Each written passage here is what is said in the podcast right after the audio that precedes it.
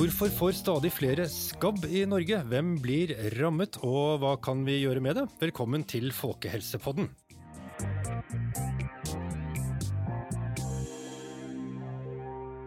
Ja, Smittetallene på skabb er nesten tredoblet siden 2013, og utviklingen fortsetter. De tre første månedene i fjor hadde 60% flere sykdommen i forhold til året før. Hvorfor skjer dette, og hva skal folk gjøre med dette? Eh, I studio denne gang står lege Marius Johansen fra Sex og Samfunn. Velkommen til oss. Takk for det. Og eh, seniorrådgiver Horst Bentele fra Folkehelseinstituttet. Velkommen, Horst. Takk skal du ha. Og meg som heter Kjetil Berg Veire, som altså er fra Folkehelseinstituttet. Og aller først til deg, Horst. Eh, hva er skabb? Bare for å ta helt sånn basics til å begynne med. Ja, skabb er en kløende hodelidelse som er forårsaket av skabbmitt, som lager ganger i huden og eh, hvor de legger egg. Og så har de naturligvis også avføring, hvor, de, hvor det er mange som er allergisk mot. Er de, er de, liksom, er de veldig, veldig små? Du kan se de nesten med et blått øye, men eh, det er vanskelig å se det. Altså, de er sånn mellom 0,3 og 0,5 millimeter store. Og, men, men altså, man kan se de hvis man hvis du har veldig lyst. Ja. og, de, og de, hva er det de gjør for noe? Grav, de graver noen ganger i huden eller noe sånt? Ja, de legger sånne Altså, de har så, sånn én centimeter lange ganger, og da koser de seg og legger egg. Herlig. Og hvordan merker vi det, at noen har lagt egg under huden vår? Ja, det klør veldig mye. Og det er jo vel det første tegnet man får når man uh, har skabb. Altså at uh, man etter noen uker uh, begynner å klø. Og det er jo sånn at har man hatt skabb før, så begynner det allerede etter noen dager å klø. Mens uh, har man ikke hatt skabb før, så kan det ta tre-fire uker før det begynner å klø. Også, Det klør jo av veldig mye rare ting da, i huden. Det kan være eksem eller tørr hud. Hvordan vet du liksom om det er skabb og ikke bare noe tørr hud eller andre ting? Ja, Vi anbefaler da i hvert fall at man skulle oppsøke, oppsøke legen og spørre at de kan se det, fordi legene kan det. altså Uh, selv om det er vanskelig, uh, diagnostisere det gjennom å grave ut skabb eller egg. Og man har også muligheter med sånne dermas, dermatoskop uh, for å se da gangene og, og selve skabb. Ja. Og så har jeg jo sett nå det siste året, det er oppslag over hele landet jevnlig i lokalmedier med skabbutbrudd i den ene byen og det andre stedet. Eh, hvorfor, denne, hvorfor, skjer det nå en sånn økning av antall skabbtilfeller? Altså, Vi tror jeg fortsatt at det er hovedsakelig behandlingssvikt. Altså, det vil si at uh, folk ikke smører seg på riktig sted, eh, eller glemmer stedet å smøre seg. At uh, um, kanskje man kommer ikke til og sånn, så da hvor man skulle smøre. At man glemmer små biter mellom tærne, mellom fingrene osv., hvor de gjerne oppholder seg. Mm. Det andre er naturligvis at man snakker om en økt toleranse av skappmiddel mot skappmidler. Ja. Men uh, det kan godt være at det er altså, en økt toleranse for det. Mm. Marius, eh, du jobber da som lege på Sex og Samfunn. Kanskje aller først, hva er Sex og Samfunn? Ja, Sex og Samfunn det er Norges største senter for seksuell og reproduktiv helse. Så vi har en stor eh, klinikk her i Oslo som er gratis for unge opp til og med 25. Hvor de kan få hjelp til alt som har med underliv og kjønnssykdommer osv. å gjøre, og, og prevensjon. Eh, og I tillegg så underviser vi også alle niendeklassingene i Oslo-skolen. Og vi underviser masse helsepersonell som eh, studerer for å bli helsesykepleier, eh, jordmor og, og lege osv. Og, og hvordan opplever dere denne økningen i antall skabbtilfeller? Vi eh, har jo en del unge som kommer til oss med hudkløe, eh, og som ikke får bukt med, med skabben. Eh, veldig ofte så er det kollektiv, studentkollektiv, hvor hele, hele husstanden har blitt eh, smitta med skabb samtidig samtidig. Um, andre ganger så er det kanskje kjærestepar som kommer. De har vært hos uh, legen og fått råd om behandling, men de har ikke helt fått det til. Altså, De har ikke kommet i mål. Mm. Hudkløen fortsetter å være der. Hvordan, hvordan, Du sa at det er hele kollektiv som kanskje kommer til dere. Ja. Hvordan smitter dette? Ja, eh, dette vet vi jo ikke 100% det må jeg bare si. Skabb er jo, Selv om skabb har eksistert lenge, så er jo faktisk det er veldig mye sånn mystikk knytta til, til, skabb og, og, og, hvordan det smitter. Men eh, vi vet at skabb smitter ved tett kontakt. Eh, tett hudkontakt, tett rett og slett. Hudkontakt, Gjerne mm. hvis det er litt varmt. Så hvis man sitter, uh, hvis man sitter i sengen med et pledd tett sammen og ser på uh, Netflix Det er det mange unge, gjør, det unge ja, som gjør, tross alt. Ja. Det, mm. det, det, skjer jo ofte. Eller hvis man uh, ligger sammen under sam, samme dyne. Og det behøver ikke å være seksuell aktivitet. Mm. det er klart, jo tettere, jo, jo, jo lettere smitter skabben. Eh, og så kan den også, eh, uten at vi vet hvor, hvor, ofte det skjer, så kan den også smitte eh, via tekstiler i omgivelsene, altså håndklær, sengetøy eh, kosebamser. Eh, og man har til og med funnet skabb i mobilcover hos veldig mange av de med skabb. Selv om jeg har skjønt at de overlever ikke så veldig godt i mobilcover, eh, ut fra hva vi snakket om her i forkant. Det gjør de. de trives best i huden. Ja. Hva slags råd gir du da til eh, folk som kommer til dere og, og har fått skabb? Ja, veldig, uh, Først må vi finne ut om de har skabb eller ikke, så da må vi gjøre en uh, undersøkelse. Uh, da ser vi om de har hudkløe på de typiske stedene hvor skabben trives og hvor den liker seg. og Det er gjerne mellom fingrene og i håndledd, eller steder på kroppen som vi bøyer, f.eks. i albue og under armene. Mm. Uh, inn i navlen uh, og i genitalområdet. Uh, altså Nemlig. rundt kjønnsorganet og rundt endetarmsåpningen. Litt sånn varme, fuktige steder. Varme, fuktige steder. Mm. Da må vi undersøke, og for oss leger når vi undersøker pasienten, så ser vi etter gravegangene. for midden graver seg små tunneler i huden, og de kan vi se. Det høres så utrolig deilig ut, akkurat det der.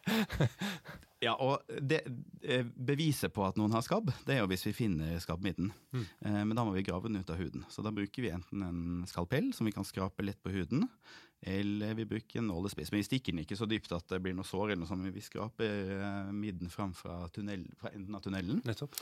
Og så legger vi den på et glass og ser på den i mikroskop. Og da kan vi faktisk påvise at det er skabb de har. Så det er første steg. Nettopp. Og så er det behandling. Så er det behandling. Ja, og det er, hvordan, hva, hva gjør man da? Hva, hva, er riktig behandlingsmåte? Ja, da skal man smøre seg inn, og i Norge så har vi eh, en krem som er reseptfri på apoteket. Den heter Nix. Eh, den inneholder permitrin, det er virkestoffet i, i medisinen. Og så skal man smøre hele kroppen. Uh, og det er viktig at man uh, er, ren, uh, er, ren, før man smører på. Så man skal ta en dusj først. Man skal rense neglene, klippe neglene, så ikke det er noen rester av skabb og egg og midd under neglene. Det kan det ofte bli hvis man klør seg mye. Eh, og Så skal man la huden kjøle seg ned. Eh, så vente et kvarter etter dusjen, og så smøre seg inn. Og dette, Denne kremen sant, den skal virke i tolv timer. Den skal sitte på kroppen i tolv timer. Så Derfor er det veldig viktig at, eh, eller det kan være lurt da, at man gjør det om kvelden eh, før man legger seg. Hmm. Um, og alle i husstanden må smøre seg samtidig. Ja. For hvis eh, alle disse studentene i studentkollektivet hvis de smører seg på ulike tidspunkter, så kan de rett og slett uh, smitte hverandre på nytt. Så de må uh, avtale og gjøre dette koordinert. Dette er ganske voldsomme greier. Altså. Og Vi snakket om før vi gikk inn her i studio også, Horstad, det er mange eksempler på folk som sier at behandlingen hjalp ikke, jeg har fått skabb igjen. og en mulig årsak er jo da at, som du sa, at, den, at skabben har blitt, om ikke resistent, så i hvert fall tolerant for medisinen. Men en annen ting er jo kanskje det som Marius sa nå også, at, eh, at man tar på midler til ulike tider, sånn at du blir resmittet av noen av de andre i husstanden eller i kollektivet? Ja, det er riktig. Og jeg tenker også, altså jeg skal vel nevne at vi har bare egentlig tre forskjellige midler som man kan bruke her i Norge. Og altså de to som er reseptfrie, det er ja bensylbenzoat og, og permetrin. Uh, mens den andre er altså en uh, middel som man må ha uh, forskrevet fra legen. Og det skal man egentlig først bruke når man har prøvd de andre og det ikke virker. Hmm. Um, du nevnte at noe Vi har jo ikke klart å finne ut helt hvorfor det er så mange, som får, eller så mange flere som får skabb nå enn, enn før. Eh, når vi diskuterer det her ellers i Folkehelsepodden, så med, med, forskere om andre problemstillinger, så er det jo ofte snakk om at uh, vi vet uh, for lite, vi kjenner ikke til antall smittetilfeller og sånt. Men på skabb er, er, der eksisterer jo ikke den problemstillingen, går jeg ut ifra. fordi uh, her blir det jo ganske tydelig, eller folk må jo til lege etter hvert hvis du har fått et skabbutbrudd.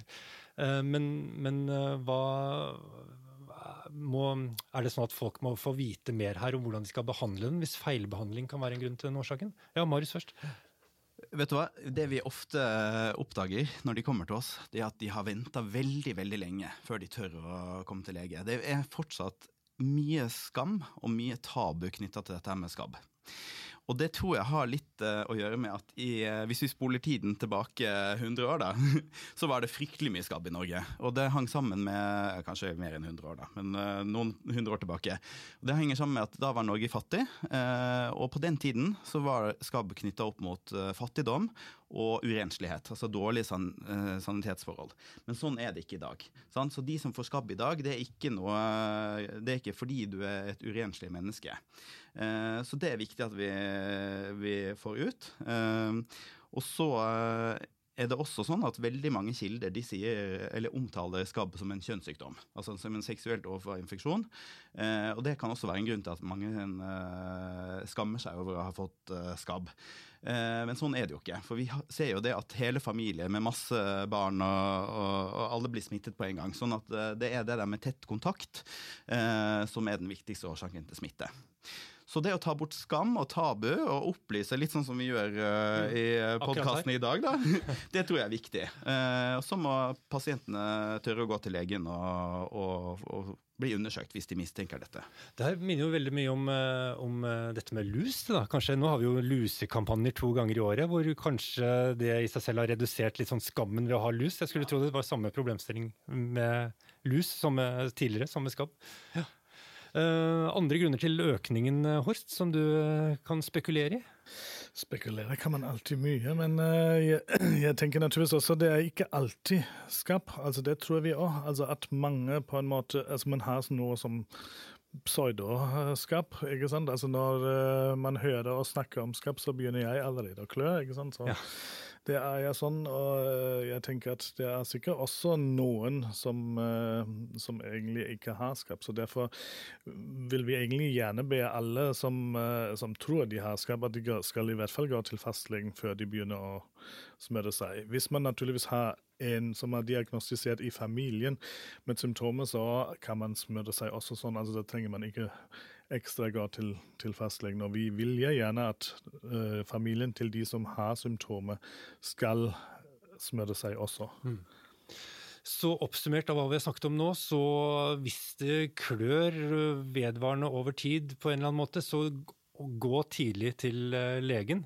Eh, følg bruksanvisningen på hva du skal gjøre, både av krem påsmøring og dusjing og skifting av sengetøy og sånt, og ta behandlingen samtidig alle sammen, enten du bor i et kollektiv eller, eller i en familie. Er det sånn noenlunde oppsummert hva vi har snakket om til nå? Ja, og nå, nå skal jo dere på Folkehelseinstituttet etter hvert uh, oppdatere nettsidene deres. Men i mellomtiden så har vi på Sex og samfunn en metodebok for seksuell helse. Den ligger gratis på nett og heter emetodebok.no. Mm. Og Der står det også oppdaterte råd om skabb, hva man bør gjøre som helsepersonell, og hvilke råd man kan gi til pasientene. Um, og så er det jo sånn at denne klauen, sant, den uh, varer jo en stund. Sånn at når du har tatt uh, skabbehandlinga vi, i dag, vi mennesker i dag vi er veldig ute etter quick fix og ting skal skje raskt. Men så er det faktisk sånn at etter at du er ferdig med skabbehandlinga, så kan det gå mange uker før du er kvitt kløen. Uh, så man skal ha litt is i magen også. Det er ikke alltid at det er skabb fortsatt, selv om det klør. Eh, så kan man, da kan man få midler av, eh, av legen som virker klødempende. Eh, så man får bort den allergiske kløen. Da. da sier vi takk for oss og Folkehelsepodden, denne gangen om skabb, med Horst Bentle fra Folkehelseinstituttet og Marius Johansen fra Sex og Samfunn og Kjetil Berg Veire fra Folkehelseinstituttet.